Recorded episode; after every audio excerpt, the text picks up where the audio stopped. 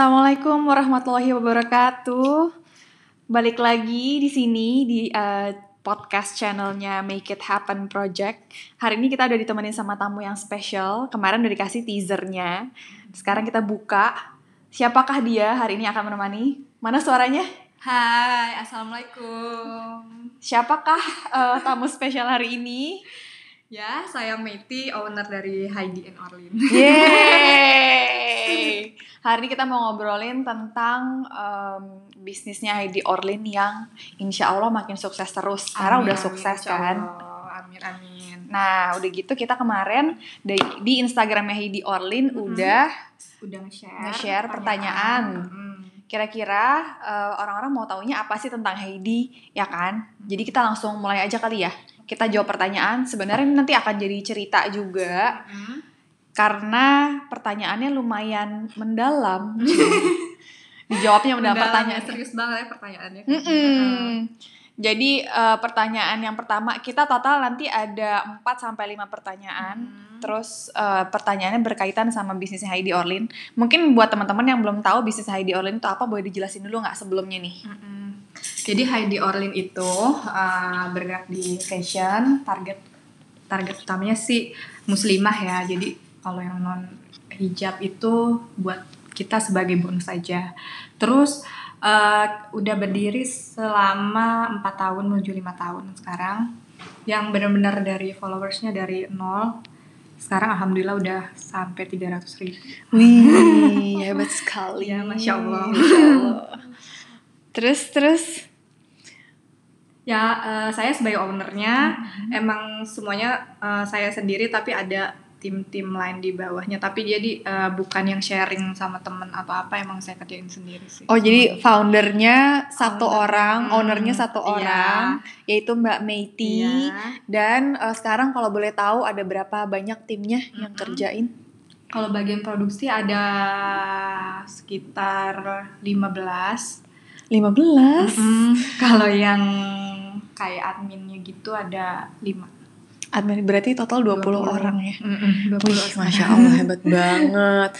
Nah, penasaran kan Hmm. akhirnya gimana? Sebenarnya kalau bisnis sukses itu kan kita ngelihatnya sekarang gitu kan. Hmm. Tapi kita pengen tahu dari dulunya nih pertama kali sampai sekarang bisa kayak sekarang itu gimana caranya supaya teman-teman yang mau uh, punya bisnis itu Mm-mm. bisa belajar dari Mbak Meiti gitu kan. Mm-mm. Nah, ini pertanyaan yang pertama nih. Mm-mm. Kak, share dong dari awal susahnya merintis online shop sampai sesukses sekarang tuh gimana?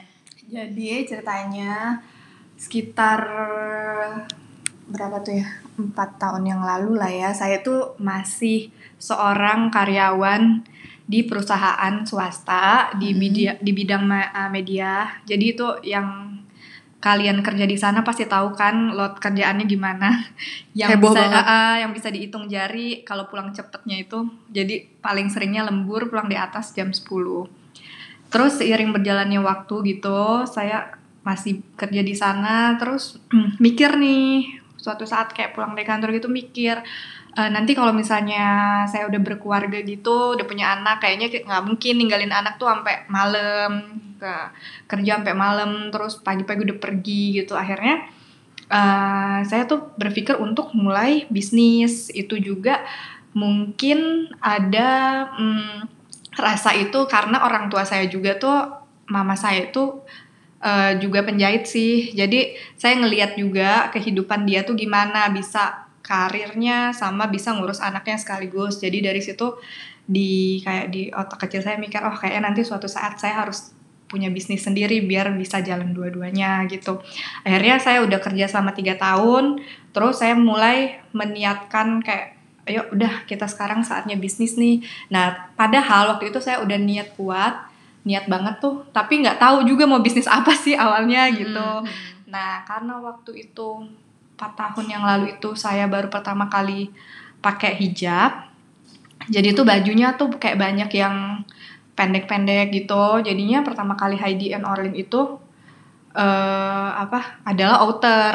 Jadi semua Oh, buat outer yang, yang pendek-pendeknya. iya jadinya tuh semuanya tuh outer. Ya udah jadi jadi bisa membantu teman-teman yang nggak pakai yang baru mulai pakai hijab itu untuk bisa pakai masih pakai baju-baju yang lama. Jadi dia bisa di mix and match sama outer. Jadi itu sih awal terbentuknya itu sama ya pengen juga bikin lapangan kerja buat orang-orang. Jadi itu niat awal bisnisnya. Terus em, kalau di sini ditanya susahnya susahnya itu ya waktu itu kan saya masih sebagai pegawai ya. Jadi untuk ngebagi waktunya tuh eh, lumayan sulit. Jadi waktu itu kan saya kayak misalnya nih wak- mau ngebales-bales mau ngepost segala macam itu di sela-sela pekerjaan saya. Jadi waktu lagi meeting diem-diem ngebales konsumen terus atau lagi break dikit ngurusin online shop ngepost atau segala macam gitu. Terus nanti malam-malamnya pulang terus saya kayak masih harus nge-packing barang-barang mau dikirim. Besok pagi-paginya sebelum ke kantor saya kayak mesti ke ekspedisi yang buat pengiriman barang buat nganterin barang gitu. Sampai yang tukang eh, apa namanya pengiriman barang itu udah hafal sama Hmm. saya yang suka suka nitipin barang banyak terus bayarnya nanti besokannya. Soalnya saya nggak punya waktu juga kan buat nungguin itu barang yang banyak misalnya gitu. Terus pulang apa kalau misalnya ada uploadan baru gitu sebelum ke kantor aku kayak buru-buru harus foto di patung biar uh, bisa dipost buat besokannya gitu deh. Jadi emang sulitnya itu uh, membagi waktunya waktu masih kerja. Apalagi kerjaan saya kayak yang uh, harus lembur gitu tiap harinya. Terus jadi sering aja gitu baru tidur subuh gara-gara ngerjain dua-duanya. Selain itu waktu uh, pertama kali nyari bahan kan belajar sendiri nggak tahu tuh Hmm. nama-nama bahan apa Hmm. jadi kayak bener-bener Terus taunya dari mana dong? nanya sama tukang bahan ini nama bahannya apa jadi Hmm. sekarang udah tahu semua gitu Hmm. "Hmm, bahannya apa ini bahan yang cocok buat ini apa Hmm, gitu hmm. kayak bener-bener nanya dari nol terus Berarti dari awal udah jahit sendiri atau da- ah, dari awal udah jahit sendiri Hmm. jadi berjuang nyari bahan terus nyari penjahit juga Hmm. ke pelosok dari gitu. awal udah punya penjahit sendiri atau sempat Hmm, jahit di belum, orang masih dulu? jadi orang jadi Hmm. masih jadi orang waktu itu terus sering apa namanya barang udah habis tapi produksinya tuh nggak masuk masuk jadi oh nggak bisa nih kayaknya kita harus kayak mulai punya penjahit sendiri Karena gitu. udah mulai demandnya udah mau- terus-terusan ah, gitu ya. Itu setelah berapa lama eh, ngejalanin bisnisnya akhirnya decide buat punya penjahit sendiri? Oh itu kayaknya satu tahun deh.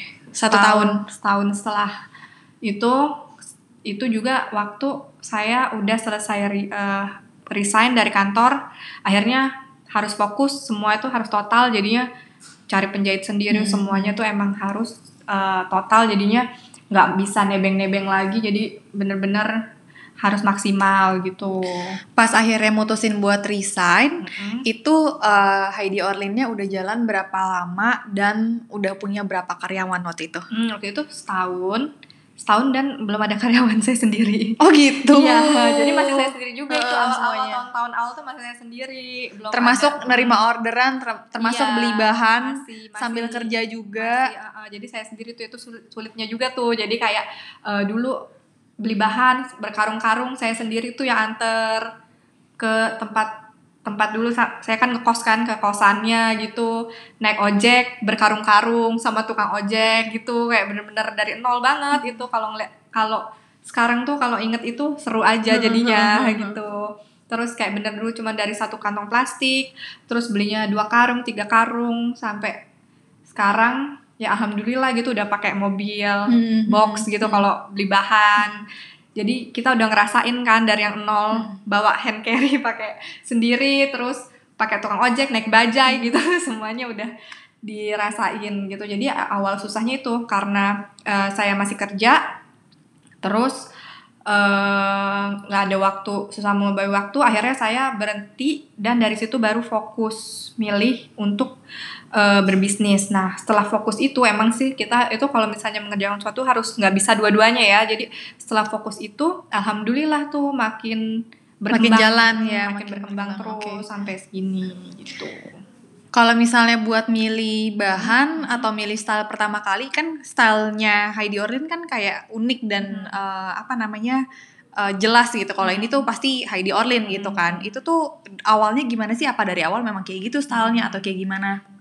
Ya, jadi Eh, awalnya itu kan karena saat eh, saya udah mikir nih pasti dunia bis, eh, dunia fashion itu berkembang banget. Setiap minggu ada model baru ada desain baru. Jadi gimana caranya kita tetap bertahan? Jadi awal mulanya itu saya mikir gini eh Heidi Oren harus punya satu ciri khas yaitu eh, baju. Maksudnya eh, baju-bajunya itu harus ada pattern jadi nggak polos gitu.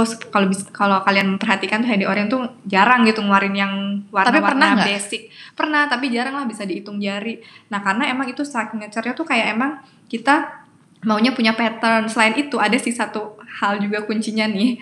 Karena kalau yang berpattern itu kalau misalnya nanti banyak saingan kompetitor yang mau menjiplak karya kita Mhm. itu susah. Karena pattern itu tuh nggak gampang buat ditiru misalnya nih kalau misalnya baju warnanya biru Mm-mm. modelnya ini itu kan maksudnya bahan biru ada di mana-mana Hmm. sedangkan kalau yang bahannya pattern kan limited gitu Mm-mm. loh jadinya Mm-mm. buat di copy juga sulit nyarinya Oke. gitu awalnya saya mikir gitu jadi dari situ eh, salah satu yang ngebedain kita juga sama orang lain jadi orang mikir kalau mau beli sesuatu yang ada patternnya yang warna-warni colorful gitu bisa ngelihat Instagram kita Hmm. gitu Nah, terus abis itu pengen nanya nih, balik lagi ya ke titik awal banget nih, pas baru awal banget jualan, itu kan eh, channelnya lewat Instagram dan followersnya mulai dari nol kan. Wow. Nah, itu gimana caranya untuk dapetin pembeli pertama dan siapa sih yang beli pertama kali? yang beli pertama kali jujur nih ya yang beli Hmm. pertama kali itu teman-teman kantor aku Oh gitu. jadi ya jadi met met besok bawa ya ya aku bawa aja tuh teman-teman kantor heboh terus abis kan seru kan jadi yang kayak oh ternyata yang aku aku buat itu ternyata banyak juga yang menghargai banyak juga yang mau jadi ngeliat dari situ eh semangat aja makin semangat terus eh, ada juga sih yang dari luar akhirnya ada juga yang dari luar mulai berkembang dari situ udah kayak mulai cepet habis cepet habis Hmm. tapi yang awal-awal sih teman-teman teman-teman sekitar yang ngedukung gitu Kan kalau yang signature-nya Heidi Oren kan pattern gitu. Mm-mm. Sempat kepikiran gak sih kalau misalnya ternyata uh, someday orang tuh mungkin bosen gitu sama Mm-mm. pattern Mm-mm. gitu. Uh, kira-kira gimana atau memang oh ya enggak pokoknya emang Heidi Oren tuh selalu akan pattern gitu. Kalau misalnya bosen apa enggak, kayaknya em, enggak sih menurut saya. Ada pattern tuh juga ada kayak musimnya gitu. Jadi mus, eh, ada yang kayak sekarang musimnya patternnya eh, flowery, terus nanti patternnya kayak ada yang kayak apa namanya abstrak-abstrak atau Mhm. apa gitu sebenarnya. Terus Heidi Orlin tuh juga punya kayak eh, signature design yang kalau kayak gini patternnya kayak gini, Hmm. kalau model ini patternnya kayak gini. Hmm. Jadi nggak semua yang ada yang bisa dibikin heboh, ada juga yang enggak gitu. Hmm, oke. Jadi sebenarnya uh, bukan Hmm. masalah patternnya atau Bukan. enggak, tapi sebenarnya pattern yang kayak gimana, Gimana yang gitu cocok ya. sama Oke. bajunya gitu sebenarnya. Nah, lanjut nih sekarang ke pertanyaan yang kedua Hmm. yang paling banyak dibutuhin nih sama orang-orang kayak informasinya nih ya. Butuh modal berapa di awal untuk bikin bisnis? Nah, kalau ini Gimana ceritanya nih? seru nih sebenarnya. Jadi waktu zaman aku eh, saya kuliah gitu di Bandung, waktu tahun ketiga kayaknya itu orang tua saya tuh pensiun. Jadi saya itu kayak mulai nggak enak buat minta uang ke orang tua saya tuh, pak minta uang gitu nggak enak. Mm-mm. Jadi ah, saya tuh mikir kayaknya saya harus punya uang nih sendiri Mm-mm. gitu biar bisa bertahan hidup gitu di Bandung gitu. Terus kan tetap dikirimin tuh bulanan tapi kok tiba-tiba habis gitu udah mulai punya rasa nggak enak gitu buat minta akhirnya dengan modal anak kuliahan tahu sendiri kan anak kuliahan saya tuh eh, bikin bisnis awal saya nih jadi sebelum Heidi Orlin ini sebenarnya saya udah bisnis tuh waktu kuliah Oh, kirain ini Heidi Oren juga, bukan. jadi waktu kuliah dulu di Bandung eh, saya tuh punya bisnis sepatu. Gimana cerita bisnis sepatu ini dan modalnya berapa? Nih modal bisnis sepatu ini adalah modalnya nol. Modalnya itu googling. Hah, kok bisa? Jadi gimana benar-benar googling. Jadi gini caranya. Jadi waktu itu kan waktu itu masih jualan tuh awalnya cuma ada di Facebook cuma ada di Facebook kan waktu zaman dulu tuh kayaknya online shop gitu di Facebook kan paling hits. Nah terus saya mikir nih gimana ya kayak cara punya uang lebih tambahan. Nah akhirnya saya mikir oh yaudah deh.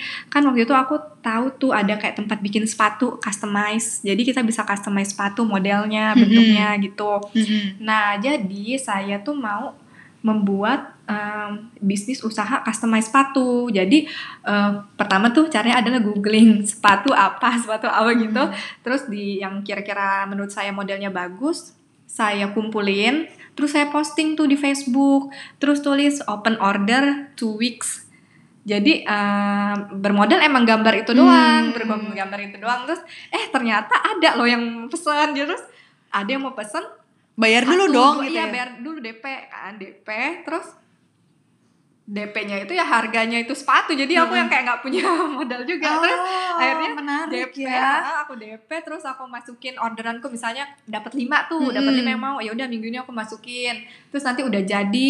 Terus akhirnya aku punya kan foto barang aslinya. Setelah jadi yang punya si A udah jadi. Terus kita punya kan foto sepatunya. Mm-mm. kita foto tuh posting lagi. Jadi yang dari Google-nya saya hapus ganti sama foto, foto, yang, udah asli. jadi yang aslinya. Terus Iya, aja iya, kayak iya, gitu. iya, akhirnya iya. udah punya banyak contoh. Sepatu jadi Mm-mm. kan makin berkembang tuh dari Mm-mm, situ. Jadi mm. kalau misalnya ditanya sama orang bisnis itu modalnya berapa sih? Berapa sih yang kita butuhin? tuh nggak ada. Yang ada itu niat sama kemauan. Widih, iya benar-benar niat. Karena ya udah kita lakukan kan eh, Allah bakal tahu juga nih kalau niat kita baik pasti dikasih jalan gitu Masya Allah, mantep kali Uti. mantep kali kan ceritanya jadi Terus akhirnya ada. gimana ini Ya yang udah. bisnis sepatunya? Mm, itu berjalan lah lancar alhamdulillah tapi karena waktu itu lulus kuliah terus orang tua saya maunya saya kerja kayak layaknya orang-orang lulus kuliah kan kerja gitu kan di kantoran pada Heeh. tahun itu ya udah jadi saya nurut kata orang tua jadi saya tinggalkan bisnisnya di Bandung sepatu segala macam itu akhirnya kerja di Jakarta Oh jadi udah digituin aja udah. Iya, tinggal. udah yang itu udah. Wow. Jadi itu sebagai pembelajaran saya buat si Heidi Orlin Hmm. ini. Jadi sebenarnya saya udah tahu tuh trik-trik bisnisnya tuh dari zaman kuliah. Jadi Gitu. sebenarnya untuk mulai bisnis pertama Hmm. Nggak bahkan nggak perlu modal ya Perlu pertama modal, kali nih. iya, itu yang untuk bisnis sepatu pertama kali deh gitu ya Hmm, pertama, kali. kali itu nggak ada, nggak ada Dan itu modal. jadi pembelajaran berharga banget untuk eh, nerusin bisnis yang sekarang Iya, ya. Jadi kita itu lebih yang percaya diri. Sebenarnya bisnis tuh nggak perlu modal besar tapi niat dan usaha aja yang keras gitu. Hmm. Kemauan buat ngerjain kan yang Hmm. pertama modal, terus pemikiran kita mau ngapain nih, harus Hmm. ada ide, terus eh, kerja kerja seniat mungkin. Ya udah, terus kita serahkan gimana hasilnya nanti. gitu. Oke. Nah, pertanyaan selanjutnya, em, sharing pengalaman dong kak, pas mantepin diri buat jalan dan resign dari kantor. Hmm, jadi Katanya ada cerita seru kan ada nih? ada cerita seru jadi Mm-mm. dulu saya punya teman gitu namanya Desti dia itu punya udah punya bisnis dia udah punya duluan tuh dia punya online shop udah punya dia terus dia udah lumayan maju tuh followersnya udah kayaknya lima puluh ribu atau berapa aku lupa terus aku belum tuh belum punya bisnis belum mulai mau mulai eh baru mau mulai waktu itu lagi mau mulai lah nah terus akhirnya dia bilang nih kayak gini nggak tahu ini bener atau salah tapi honestly Mm-mm. saya men- eh, mengikuti apa yang dia bilang Mm-mm. gitu.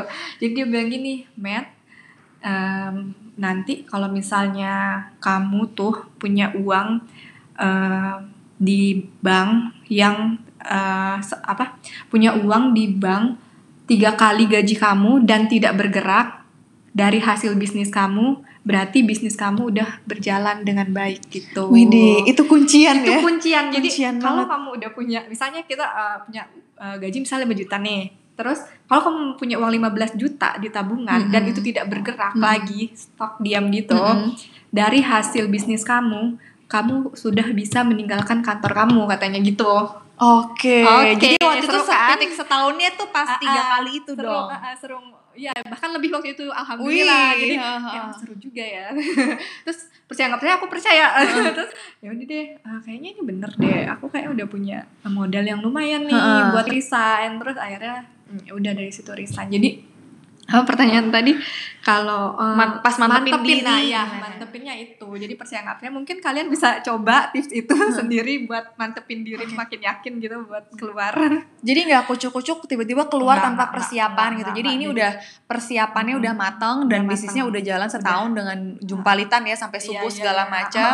Terus tadi ada saran eh, dari di, temenku yang udah punya bisnis duluan Mm-mm. tadi uh di tiga kali ya tiga kali. Iya, kalau misalnya gitu Percaya nggak percaya, ya. percaya ya. Tapi ini lihat Rumusnya. hasilnya sukses ya, masya Allah ya. Masya Allah kan rumusnya tuh ajaib kan Ajaib. Oke, oh gitu. Oke, dicatat harus dicatat ya. Nah, terus habis itu kita lanjut nih ke pertanyaan berikutnya. yaitu gimana caranya bisa bertahan uh, dengan perubahan bisnis dari kerja kantoran terus beralih ke bisnis yang ups and downs gitu. Ya. Jadi kan bisnis itu kan nggak semuanya kita selalu ada di atas ya. Tadi pertanyaannya gimana nah, kalau saat downnya kan ya. Jadi tipsnya itu kalau misalnya kita lagi di titik down, kita berusaha tuh jangan sampai down down banget. Jadi kayak middle middle down aja gitu. Jadi gini, misalnya nih, hmm, kita uh, waktu bisnis pertama kita ngeluarin empat desain baju itu buat tes dulu nih tes pasar ceritanya kayak yang gitu. cocok yang mana ya, gitu yang ya cocok yang mana jadi uh, kita keluarin empat terus uh, sama konsumen kan nanti bakal terpilih kan yang laku yang mana yang enggak yang mana. Jadi uh, misalnya yang dua laku nih yang dua lagi nggak laku. Nah yang nggak laku ini udah mulai kita eliminasi nih udah jangan kita produksi lagi. Uh, tapi yang dua lagi misalnya demandnya kayak orang pada mau yang itu kita mulai produksinya lebih banyak lebih banyak lebih banyak lagi. Nah terus nanti terus gitu nanti waktu ada desain apa next uh, upload harus ada desain baru lagi kita masukin lagi satu desain baru nih misalnya. Kalau misalnya desain yang baru ini diterima ya udah kita dilanjutin. dilanjutin gitu aja terus. Tapi caranya untuk mengeluarkan desain baru itu jangan langsung banyak. Dikit-dikit dulu. dikit-dikit. Misalnya kita pertama 20 20 20 terus ternyata yang dua duang dua nih dieliminasi tinggal dua jadi 40 jadi 60 nah terus kita next collectionnya kita ada satu ada yang ada satu yang baru nah yang baru ini ternyata langsung laku. Yang itu kita naikin lagi okay. kuantitinya terus terus aja gitu. Terus kita cek pasar lagi kita ngeluarin lagi. Tapi jangan sampai berhenti untuk berinovasi mengeluarkan desain baru. Hmm. jadi terus karena kita nggak akan kalau misalnya kita stuck tuh misalnya tiga bulan itu itu aja ya orang bosan bakal ah, sama komputernya bakal udah ngebidik nih oh yang ini laku terus ya udah kita ya, tiru gitu. Kalau kita punya desain desain baru kan jadi uh, makin bervariasi juga orang makin sulit gitu buat niru mau yang mana atau apa gitu. Dulu pas pertama kali hmm. uh, produksi itu produksinya berapa banyak sih? Dulu ya itu kayaknya 20 20 doang deh per 20 20 ya. gitu 20. Dulu sih uh, kayaknya cuman ada tiga apa berapa model gitu dikit mm -hmm. dikit dari model dikit terus outernya bikin outer yang panjang bikin outer yang nggak terlalu panjang bikin yang lebar yang batwing atau apa gitu ya mulai dipilih-pilih itu juga pemilihannya tuh kayak pemilihan secara nggak langsung oleh uh, konsumen sih jadi yang mereka suka yang mana yang nggak yang mana itu yang lama-lama ada yang nggak suka terus nggak muncul lagi ada yang terus bertahan dari pertama kali Heidi and Orlin sampai sekarang udah lima tahun tuh model masih itu ada masih juga? ada ada oh, ya? masih ada juga jadi hmm. ya Menarik secara ya? langsung ya kita jadi ngikutin hmm, apa keinginan konsumen tapi dengan cara sekarang mungkin motifnya lebih bervariasi daripada yang dulu atau apa gitu. Jadi hmm. kalau misalnya model itu ada yang bertahan, ada yang enggak. enggak. Tapi kalau motif tuh selalu baru ya. Mm Oke, okay, sip. Nah, sekarang pertanyaan yang terakhir nih mm dan yang paling penting kayaknya buat tips teman-teman yang baru mau mulai berbisnis, apa aja sih yang mesti disiapin ketika kita mau mulai nih? bukan pas udah mulai gimana hmm. tapi sebelum mulai oh ya baru mulai pokoknya yang pertama tipsnya dari saya itu niat niat yang baik karena ya gimana ya kalau misalnya di agama saya sih kayak Allah itu uh, memberi apa sesuai prasangka umatnya. Jadi kalau kita melakukan itu dengan niat yang baik kayak saya mau bisnis ini untuk menolong orang biar punya lapangan kerja yang banyak. Nah, insya Allah itu akan dikasih keberkahan juga. Jadi pertama itu niat niat yang baik okay. yang pasti.